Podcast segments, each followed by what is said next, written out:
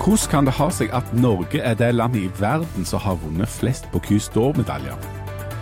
Og Hvis du sto tiltalt for en alvorlig forbrytelse, ville du da foretrukket å bli dømt av en gjeng med proffe jurister, eller ville du foretrukket at i juryen satt av bønder, fiskere, pedagoger og ingeniører? Velkommen til Aftenbladblad med Leif Tore Linde og Jan Zahl. Dette burde du selvsagt abonnere på alt det der. I dag så får vi besøk av Kine Hult, som har vært i Lyon og sitter på uh, ja, kokka lager kolossalt mye mat. Og så får vi besøk av gravejournalist Hans Petter Aas, som skal snakke om noe såpass sexy som juryordningen, Leif Tore. Men det, det, akkurat det jurygreiene er jo litt sånn i vinden nå. Og det samme er jo dette Bocuse Men du, før vi går løs på det, så må jeg bare spørre deg om en ting. Jeg satt nettopp i en kinosal i Stavanger. og så den nye filmen til Kristoffer Joner, som er en ganske sånn eh, Skal vi si det kunstneriske film? Er du enig? Du så den du òg? Ja, jeg så den jeg òg. Eh, vi satt jo der på sida av hverandre. Jo, det var en kunstnerisk film. Eh, 'History of Love' heter det. Ja. Egentlig en, en fin film og sånt, men den er en del av et sånt et kunstuttrykk som vi i vår jobb møter ganske ofte og som vi bør ha en slags greie på. Um, og vi bør være godt rusta for, for, å se disse tingene og lese disse bøkene, se på kunstverk og alt dette. Men noen ganger så merker jeg at det, dere sniker seg inn en sånn følelse av at du er ganske, jeg er ganske dum der jeg sitter. Fordi at jeg enten ikke forstår det helt, jeg klarer ikke å like det, eller at det blir for sånn svevende. Um, er, har du det sånn av og til? Absolutt. absolutt. Og dette er jo et av de store problemene med mye kunst. For noe av det som liksom da skal virke djupest, kanskje, eller mest på en måte verdifulle på en eller annen måte. Mye av det som, som, som blir liksom løftet opp som noe som det er det mest verdifulle, det må jeg tilstå at jeg svært ofte ikke forstår så mye av. Og at du sitter igjen med en følelse av at det er deg det er noe galt med. Du er litt dum hvis du ikke helt klarer å ta dette. her. Og det er en ekstremt frustrerende følelse. det er ganske, det er ganske ringe følelse. Eh, altså, Vi jobber jo med det, så, og, og, du har jo lest opptil flere bøker. Eh, og vært på, på museene og, eh, og sånn som Og det har jo jeg òg. Mm. Vi burde jo hatt et slags sånn begrepsapparat for å forstå dette, men av og til så, så bare går det ikke inn. Jeg, jeg, var og skulle skrive om en kunstutstilling, dette er ganske mange år siden. Eh, der vi gikk rundt i, i, dette rommet der denne kunstutstillingen skulle være. Og så gjorde jeg det der som du egentlig bare ser Mr. Bean gjøre på film. Nemlig at jeg var litt sånn Jeg skulle ordne et eller annet, og så satte jeg meg ned på en stol ja. som jeg tenkte sto langs en vegg sammen med noen andre greier der. Dette var dagen før de skulle åpne. Og så viser det seg da at jeg har satt meg i det som er en del av et kunstverk. Akkurat, ja. Um, var det populært? Nei, og det ble litt sånn løyen stemning mellom meg og de som jeg skulle intervjue der, da. Fordi at jeg, jeg viste jo liksom hele meg at jeg, jeg skjønner ikke hva dette går i. Uh, og det er ikke den eneste gangen jeg har fått en sånn følelse av at jeg er helt sånn i offside. Uh, ja, det, altså, De fleste andre folk som har vanlige jobber der de ikke er kulturjournalister, f.eks., de kan jo ja, da kan du velge fritt, og så kan du gå innom eller du kan la være og sånt. Men vi er jo fint nødt for å forholde oss til en drøss med ulike uttrykk. Og i tillegg så skal vi veldig ofte enten intervjue folk eller faktisk altså anmelde det eller vurdere dette her. Eh, så vi er jo nødt til å forholde oss til det på en annen måte, og det er òg komplisert. For hvis du, sånn som denne filmen med Kristoffer Joner, der er det jo altså mye filming. Det blir mest ikke sagt noen ting. Det er ekstremt få replikker. Det går ti minutter før noen sier noe. Og så er det mye filming av folk som står og ser. Uh, lange, dvelende bilder av det. For så vidt fine bilder. Men så, sitter vi der da, så satt du da der og skulle være filmanmelder. Uh, og Hvordan måler du det, eller hvordan vurderer du det? Uh, Eh, dagen etterpå så var det jo så en komedie på Stavanger skrevet av Per Inge Torkelsen. Eh, som er noe helt annet. Som er noe helt annet, og skal du, så skal du liksom trille terning på de to tinga. Som er i to forskjellige univers, rett og slett, med den samme terningen. Det er noe av det mest frustrerende jeg vet med det der med anmelderigreiene vi holder på med. Og, så, og da sniker denne følelsen seg inn over at jeg, om at jeg ikke forstår dette, eller hvis jeg ikke, hvis jeg ikke liker det, eller på en måte er veldig kritiske til det, at det er bare jeg som er dum, at det går over hodet på meg. Og Det er en ganske sånn ring følelse. Samme følelsen får jeg når jeg leser sånn presentasjoner om kunst, f.eks. Mm. På et slags komplisert engelsk der du kan ha Du, du leser to sider, og på slutten så du forstår fremdeles ikke hva de egentlig vil fram til. Og denne følelsen av å bli av at du ikke skjønner, eller på en måte at du kommer til kort, den er egentlig ganske vond. og den, Det er en litt sånn turn-off for en del sånn kulturting. Ja, men samtidig så blir det ekstremt lett å skyte på det, da, fordi at det er ubegripelig og rart og sånt. og så kan du, Det er noe av det som er lettest å tulle med, og lettest å gå til angrep eh, på, på en måte. da. Um, så jeg er, sånn, jeg er, veldig sånn ambivalent, for jeg vil på en måte ha sånn kompliserte, uh, rare ting. For jeg mener at uh, ja, det skal, vi, det skal vi holde oss med. Uh, og jeg må ikke forstå alt, og det er helt i orden at alt ikke er for alle og sånt. Um, men så jeg òg får jo den følelsen der av og til at hmm, det er sikkert meg noe galt, men jeg, jeg er mer og mer konkludert med at OK, det er helt greit at jeg, jeg trenger faktisk ikke like alt, og det, det, er egentlig ikke så farlig da. Og den der filmen, der, ja. der endte du da opp med å gi ternekast tre. Den har blitt tatt ut på noen voldsomt fancy eh, filmfestivaler. Karlovy var i Tsjekkia, og der vant han en pris. og Det er liksom ikke måte på. Og jeg, og, og jeg så filmen fordi jeg skulle intervjue uh, den norske produsenten og Kristoffer Joner. Den norske produsenten han mente jo at han hadde forventa at den filmen ville få enten terningkast én eller seks. Sånn at det du ga, var egentlig det verste han kunne få. For, han, så midten er jo alltid verst? Ja, midten, for det er noe sånn feigt over det. Da, sant? Ja. For du, du, forstår det ikke, eller du likte det ikke helt, det var ikke helt like, ja, Da sier vi tre, da. Ja. For det at én virker jo, eller toer blir jo så brutalt. Um, men det er nok, altså en del kunstuttrykk er sånn at noen vil elske det, og andre vil synes det er noe drit.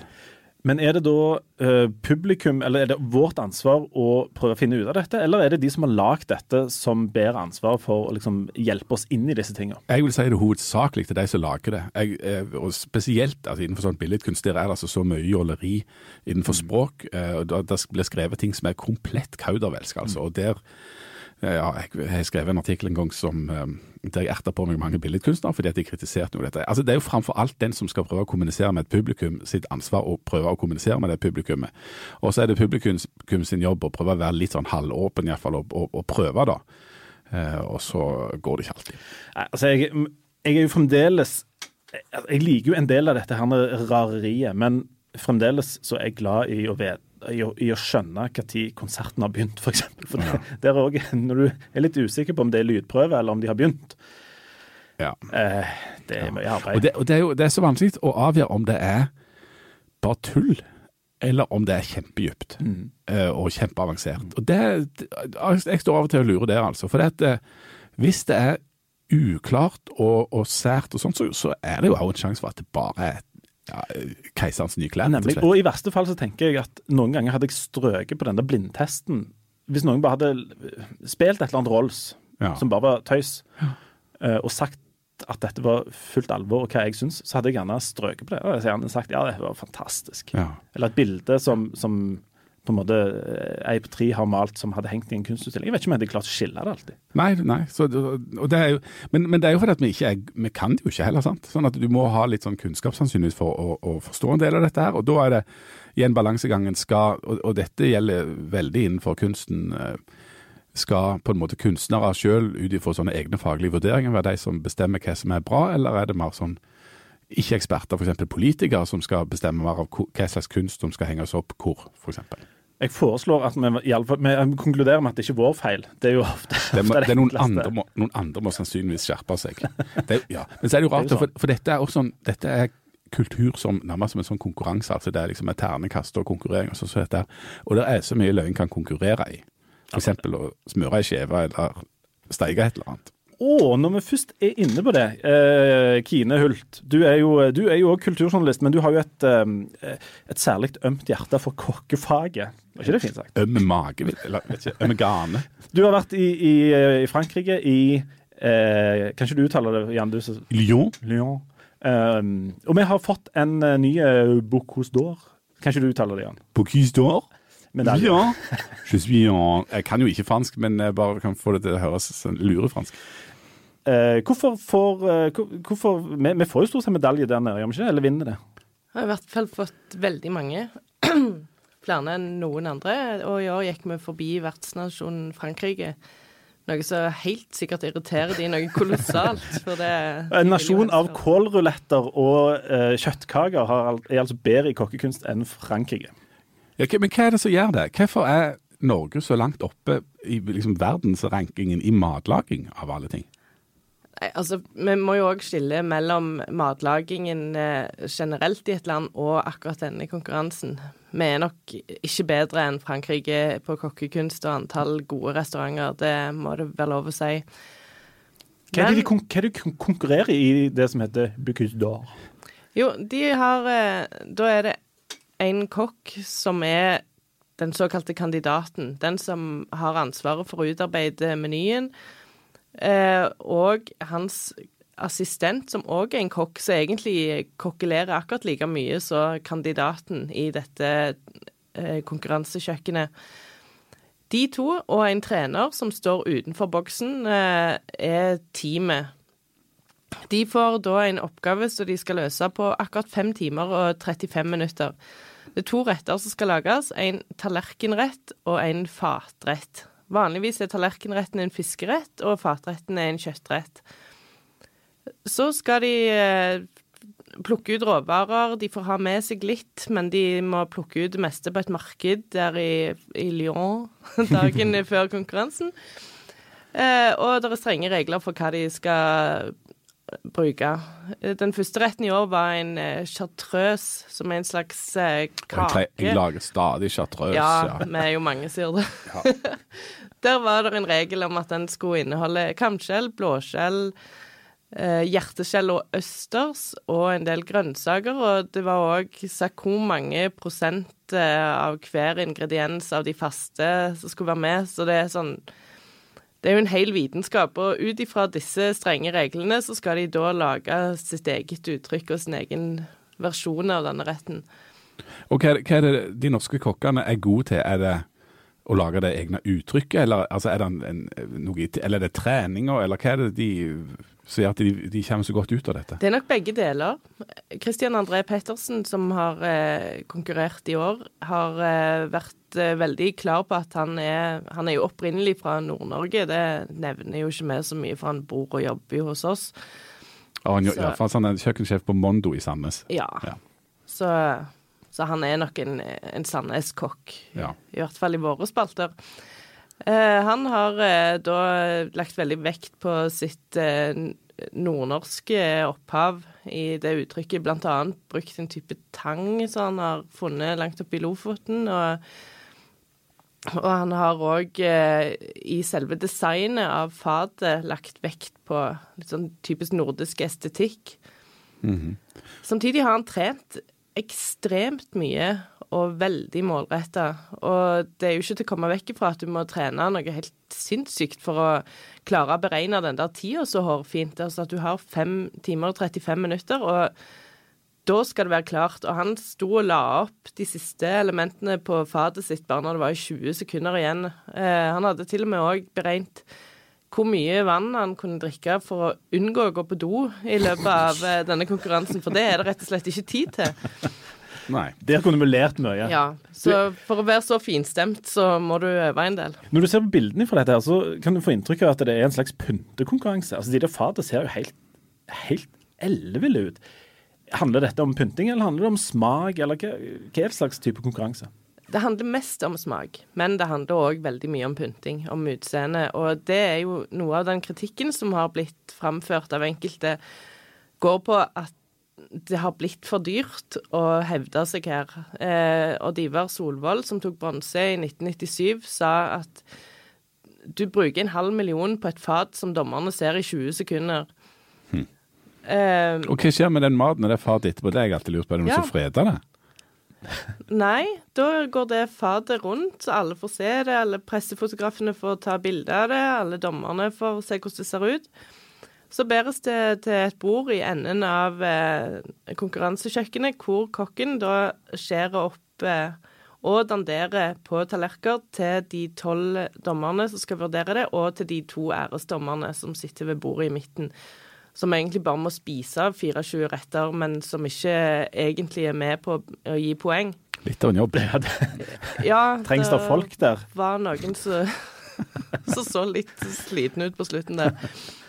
Uh, Ja, så de er den maten iallfall. Så, Ja det ikke- så det er ikke så mye matsvinn sin som du kan Det er 24 dommere, og 12 av de vurderer tallerkenrettene. 12 av de eh, vurderer den fatretten. mm. Og vår mann, han ble nummer tre i dette. Er det sånn at vi på et eller annet eh, Går det an for oss å gå på Mondo i Sandnes og få på en måte på et eller annet tidspunkt smakt på noe som ligner på dette, eller Er dette noe som bare skjer i en konkurranse og vi aldri ser spor igjen av? Nei, de skal ha noen middager hvor, de, hvor han serverer den menyen. Oi. Jeg vet ikke om det, om det er flere billetter igjen til det, men eh, det er jo vanlig at en gjør etter den typen konkurranser. Og Han kom jo på tredjeplass, på førsteplass kom Danmark, og på andreplass kom Sverige. Så det er rent sånn nordisk på toppen. Hva sier det, da? Er det, er det fordi at eh, det nordiske kjøkken er så inn, eller fordi at de er ekstra gode? Det er nok begge deler. Eh, Og hva er det nordiske kjøkken, bortsett fra at det blir lagd i Norden? Ja, det ble jo mye lagt i Danmark. Eh, der har du noen av de aller fremste restaurantene. Han som var treneren til den danske vinneren, heter Rasmus Kofod, og han har sjøl vunnet på Custor. Han har tatt sølv, og han har tatt bronse. Han driver restauranten Geranium i København, som har tre stjerner i Michelin-guiden. Så det er jo helt åpenbart at han har forstått et eller annet eh, om gastronomi. Eh, Men jeg tror òg det handler om at de har hatt rause arbeidsgivere som har hatt mulighet til å gi dem fri i alle de timene som trengs for å trene. Det er gode apparater rundt det nasjonalt som eh, skaffer ressursene de trenger, skaffe sponsorer, og dermed òg de pengene som skal til, og, og råvarene, ikke minst, som de trener på. For eh, det går jo med ekstremt mye skalldyr og kjøtt hvis du skal øve på å lage disse to rettene dag etter dag etter dag i mangfoldige måneder. Så det er lurt å komme fra et rikt land eh, og en rik plass, som i så mange andre sammenhenger. Ja, men samtidig så gikk det rykter om at USA hadde lagt omtrent eh, ti ganger så mye penger i dette her som det Norge gjorde. Ja, og Hva var det som gjorde at, hva er det som gjør at USA ikke når opp? Det, er, det kan være eh, tilfeldigheter, men alt står jo egentlig og faller på den kokken og hva vedkommende klarer å prestere. Både hva slags retter han har lagd, han eller hun, det var to damer i år, eh, men òg om man lykkes akkurat i konkurransesituasjonen, om ting går etter planen. og Du får, det med at vi gjør det så veldig godt i, i denne, denne konkurransen, her, får det, har det egentlig noe å si for restaurantene og kokkene som liksom finnes rundt oss? Fører det til at de blir bedre? At vi får bedre mat på restaurantene, f.eks.? Ja, det er jo mange som har sagt at dette er noe som fører til stor inspirasjon. Og blant de kokkene som ikke har konkurrert, men som eh, ser opp til de kokkene som har gjort det, og som tenker at eh, dette har de fått til, og det må vi òg prøve på. Og Geir Skeie, som har vunnet gull før, og Ørjan Johannessen, som har vunnet gull, de driver jo begge restauranter i dag. Jeg spurte de får dere mer gjester fordi dere har den der gullstatuetten, og det svarte de jo helt entydig ja på. Det gir en reklameeffekt. Så kan du spørre deg om reklameeffekten er stor nok. Mm. Og, og er, det, altså er det den samme reklameeffekten av en bronse som av en gull, eller altså Får Mondo flere gjester nå, hvis det er plass? Det er vanskelig å spå, men så er det ikke alltid det har hatt så mye å si om en har kommet på pallen heller. Eh, hvis du tenker på Eivind Hellstrøm, eksempel, så er vel han eh, den norske kandidaten som har gjort det dårligst i denne konkurransen. Kom på sjetteplass, som jo fremdeles er bra, men eh, det er jo ikke pallplass. Sven Erik Rena kom på fjerdeplass. Akkurat. Du, vi har eh, ti dager igjen før 100-uka i Sandnes begynner. Hva tror du er viktigst for en restaurant som Mondo f.eks.? At de hevder seg, at deres kokk hevder seg i denne konkurransen, eller at de er med på 100-uka? Helt klart denne konkurransen. Det, det har jeg òg spurt Torstein Soma, som er daglig leder på Mondo, om. Får, får dere mange nye gjester pga. 100 uker? Og da var svaret litt Nja, det er mange vi bare ser den uka. Men det kan jo allikevel føre til en viss eh, markedsføringseffekt, at du får opp interessen litt. Men om det gir de store resultatene i kroner og øre, det er litt vanskelig å si. Har du smakt på Bocuse d'Or-mat? Ja, det har jeg. Er det godt? Ja, selvfølgelig. Alt jeg har smakt som Christian André Pettersen har lagd, har vært kjempegodt. Han er utrolig dyktig.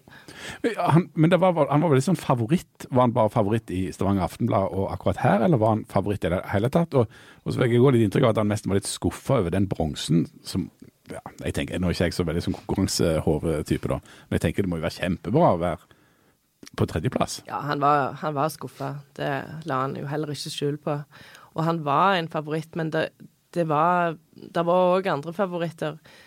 Det som var litt spesielt, var at i Europamesterskapet så slo han jo både Danmark og Sverige med ganske god margin, med 108 poeng. Hmm. Som er en eh, rekord da, i denne konkurransen. Og, og, og Hva er forskjellen nå, dommerne eller rettene, eller hva, hva de gjorde? Det er veldig vanskelig å si. Eh, danskene mente at de ikke hadde hatt en fullt så god dag eh, i Europamesterskapet i Torino som de hadde denne gang. Eh, men eh, det er jo ikke sånn at dommerne har et komitémøte. De gjør eh, individuelle poengsummer. Derfor er det veldig vanskelig å vite hva som har skjedd, for du, du får ikke noen felles uttalelse. Det er matematikk. Det, høres, det høres mest ut som toppidrett, dette her. Ja, det gjør det jo. Uten at jeg skal skryte på meg og ha veldig inngående kjennskap til toppidrett, så er det jo ekstremt eh, arbeidskrevende i forkant, og det er de aller, aller beste som eh, konkurrerer. Men eh, som publikumsidrett er det jo noe litt annet. For det, hvis du f.eks. går på en fotballkamp, så klarer jo til og med du, Jan Sahl, å forstå hvem som har vunnet, for det er å telle antall mål. Mens her står du og ser på noen som lager mat, og du ser på noen dommere som sitter og, og skriver noe som ingen andre får se. Mm. Men nå, nå, begynner det en hverdag. Nå er det på Kys står ferdig. Han, Christian André Pettersen han har øvd og øvd i årevis. Men eh, sånn på mandag, da er han på kjøkkenet på Mondo igjen, sant? Ja, da Så da kan folk gå der og ja rett og slett smake hva slags mat han lager. Og når du, eh, når først er inne på dette med eh, at det kan være av og til litt forvirrende å se hvem som har vunnet og tapt. Eh, denne uka har Jensen-saken fått det som vi trodde var en avslutning, som ikke var det likevel, eller kanskje var det det. Altså Eirik Jensen, denne politimannen som har stått tiltalt for grov korrupsjon og medvirkning til innførsel av narkotika til Norge. han ble dømt litt Og så ble han ikke dømt litt i hele tatt en ganske forvirrende sak. Hans Petter Aas, du jobber i Aftenbladets gravegruppe, og du har skrevet mye om mangt og gravd deg ned i all slags, og bl.a. jobbet veldig mye med krimjournalistikk. Denne uka var den siste norske juryen i uh, sving i Jensen-saka. Det slutta ganske dramatisk som alt annet med den Jensen-saka. Hvorfor blir juryordninga avvikla i Norge? Nei, den har jo vært omstridt uh, ganske lenge. Det har vært stilt en del spørsmål knytta til dette med eh, om juryene, eh, vanlige mennesker, er i stand til å håndtere sånne voldsomme bevismengder, vurdere det juridisk. Om de lar seg styre av følelser mer enn konkret bevisvurdering. Så det har vært snakk om det i mange, mange år. Og Når du ser på Kosteke Jensen-saka, der altså eh, Den saken har vært oppe i en instans tidligere, der han ble dømt eh, til 21 års fengsel, vel. Eh, og så kom det opp nå i lagmannsretten, og der var det en jury. Og juryen eh, svarte nei på det ene spørsmålet om han var skyldige, og ja på to andre. Og så blir dette altså satt til side da av av fagdommerne. Det syns jeg var veldig godt oppsummert. Ja, det er mye måte på Jeg burde vært sånn rettstype, jeg. Kanskje, nei, kanskje ikke. Men, men um, det illustrerer vel på en måte noe av det som har vært dilemmaet, rett og slett. Det var en lite ærefull måte å slutte på. Problemet med den dommen er jo at uh, den faktisk er innbyrdes ulogisk. Altså, altså juryen sin? Juryen sin avgjørelse var innbyrdes ulogisk. Altså, uh, det som skjedde, var jo at uh, politimannen Erik Jensen ble funnet skyldig i korrupsjon. Men samtidig så frifant de inn for det som han skulle ha mottatt penger for å gjøre. Og det, og, og det, gjør de uten å begrunne hvorfor. Og det har jo vært en av de virkelig store innsigelsene mot juryordningen. At uh, det er ti stykker som trekker seg tilbake for å diskutere, og så begrunner de ikke svaret sitt. Du får ikke noe svar på hvorfor de landa på skyldig eller ikke skyldig. Så hvis du sitter i en jury i Norge, så skal du bare svare ja eller nei, og så kan du ta på deg kåpa og gå. Vi får aldri vite om hvorfor du mener ja, eller hvorfor du mener nei. Det er riktig. Hvis, eh, hvis det er fagfolk som sitter der, jurister og folk som kan juss, eh, må de da begrunne dommene sine på en annen måte? Ja, og det er jo også det som skjer nå med det nye systemet. Da blir det som i tingretten, altså at du får en skriftlig eh, redegjørelse for hvorfor du får det utfallet du får. Nå, det nye systemet som er i kraft nå, det er også da, da skal du ha to fagdommere, altså to jurister, to dommere, og fem jurymedlemmer som er vanlige folk fortsatt. Og så må du ha minst fem av de som må si ja eh, eller nei til altså fem, fem, må være enige om et utfall for at du skal få en, en kjennelse. Og, og, en av de må være den juristen? Og en av de må være en av de to juristene. Så det betyr at folket er på en måte, altså den vanlige mannen og kvinnen i gata er med, men denne gangen blir det på en måte eh, kvalitetssikra av en jurist. Ja, det gjør det, og så skal det da skrives, da. Ikke minst det siste, da. At det skal faktisk skrives en begrunnelse for hvorfor du lander på noe. Altså Skal du dømme noen til 21 års fengsel, så er det jo litt greit å få vite hvorfor du gjør det. Det er jo forferdelig å sitte i fengsel i 21 år og ikke vite helt hva, hva det egentlig de la vekt på. Ja. Men nå har vi hatt uh, ganske mange år der bønder og fiskere og forskalingssnekkere og pedagoger og i verste fall journalister uh, har kunnet dømme. Altså, vi dømmer jo. Ja. Ja, vi dømmer jo men bare på en litt annen måte. en litt annen type domstol. Men, Først, første sideoppslag. Ja. Sånt, ja. Vi, har, vi har kunnet dømme våre likemenn, da. Eh, og dette er jo et system som vi har hatt en stund, eh, og så plutselig så avskilte vi det. Er, er dette liksom goodbye til, til sunt bondevett, og, og, at på en måte vi kan like mye om dette som, som alle andre? Eh, nå er det helt slutt. Ja, nå, må altså, du, nå, må du, være jurist for å kunne Nei, du må jo ikke det. For fortsatt så skal det også da være fem eh, likemenn i juryen. Og det har jo vært det argumentet til de som har støtta juryordningen. Det er jo at eh, du skal dømmes av dine likemenn. Okay, hvem er det typisk som har meint det? Altså, Hvem er det som syns det er en god idé? Altså Hvis du skal si det litt stygt, da. Ja, si det litt stygt. Kom an. altså det som, er, det som er sagt eh, litt ondsinna, da, det er jo at de som har eh, ønska en juryordning, det er de som er skyldige. Ja. Mens de som er uskyldige, de vil gjerne ha en meddomsrett. For det at uh, jurister du, Jurister har jo ikke hele vettet, men de er vant til å foreta bevisvurderinger. Men når det er sagt, da, så finnes det jo faktisk ganske gode eksempler på at uh, juryordningen har fungert på en veldig god måte. Og det, er, det jeg har opplevd som det sterkeste øyeblikket, det, i så måte, det er jo Birgitte-saken. der uh, det vel framsto som ganske åpenbart for oss som fulgte den saken, at eh, han ikke kunne dømmes. Men han ble faktisk likevel dømt i, eh, i det som den gangen het herresretten, som det er tingretten nå. Eh, og frifunnet av juryen i lagmannsretten. Men da så du på i hvert fall et par av de dommerne at de likte det ikke. Og ettertiden har jo fått dokumentert hva som egentlig skjedde i den saken. Men der var det vel sånn tilsidesettelse? Nei. Nei, ikke, nei men, men han ble Altså Det som skjedde der, og det var jo et, det, det, er kanskje det mest spennende øyeblikket jeg har opplevd i min eh, journalistiske karriere. Og du har opplevd litt av hvert. Og jeg har opplevd litt av hvert. Men det var altså når juryen eh, kom tilbake for å avsi eh, sin avgjørelse, sin kjennelse, om fetteren var skyldig eller ikke skyldig. Da var det, det, var, det var rett og slett så nervepirrende at det nesten er vondt å finne ord for å beskrive det. Og så, eh, og så, eh, konkluderte de da med at fetteren altså da var uskyldig. Og det hadde de brukt noe tid på å komme fram til. Og så trakk dommerne seg tilbake, og da vet vi jo eh, fra et altså, Vi visste jo ikke det den gangen, hvor nære det egentlig var at, han, at den ble satt til side. Men der skal det være to av de tre dommerne eh, i lagmannsretten som, sa, som, ville oppheve dommen, for de mente han var skyldig. Mm. Og det var én da som sto imot, og som da eh, sørga for at fetteren faktisk gikk fri. Og takk og lov for det, spør du meg.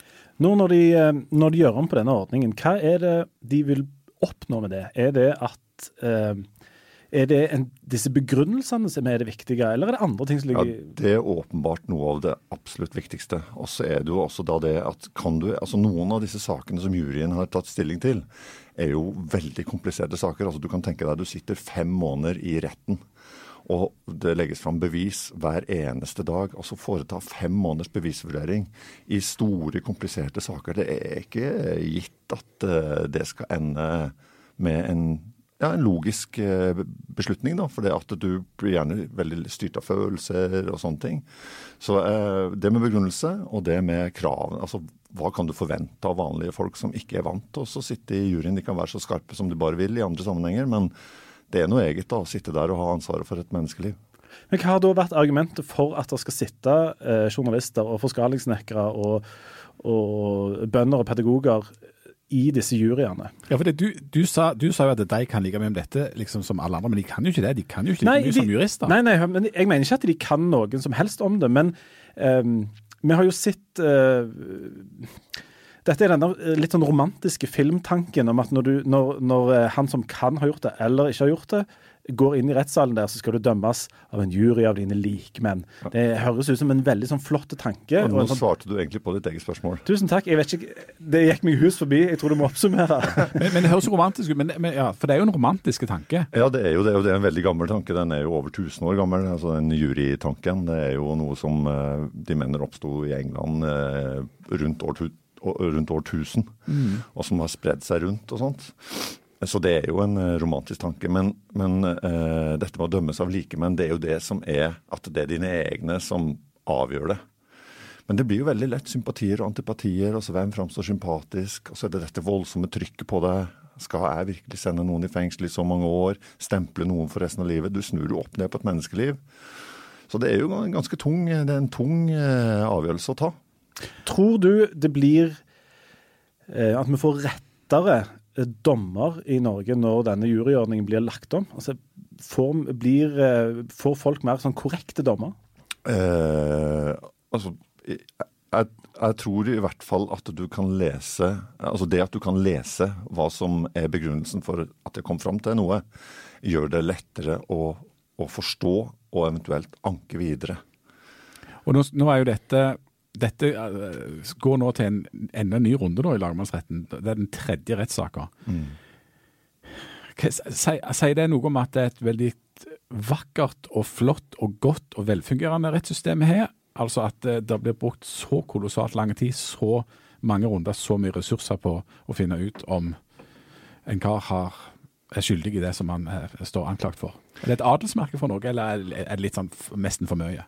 Altså, Med det nye systemet så hadde jo ikke dette skjedd. Eh, sånn at, eh, altså Jeg mener jo det er et adelsmerke. at vi, altså det, det skulle jo bare mangle. Mm. At når du står tiltalt for noe som gjør at du risikerer 21 år i fengsel, så må du få minst to sjanser til å prøve det. Det, det, det mener jeg er et adelsmerke. Mm. Hvis eh, dere sto tiltalt for å f.eks. ha klubba ned en, eh, la oss si en kulturjournalist fra Bryne det, for å ta et helt tilfeldig ja. Står tiltalt for å klubbe ned vedkommende, og han røyk med. Ville du da helst ha eh, møtt en jury av bønder, forskalingssnekkere, journalister og pedagoger? Eller ville du hatt fagfolk på andre sida, hvis målet ditt var å bli frikjent? Ja, altså det er jo det, det, er jo det som vi var inne på her i stedet, at uh, uh, at uh, da er det jo sånn da at de fleste foretrekker en jury.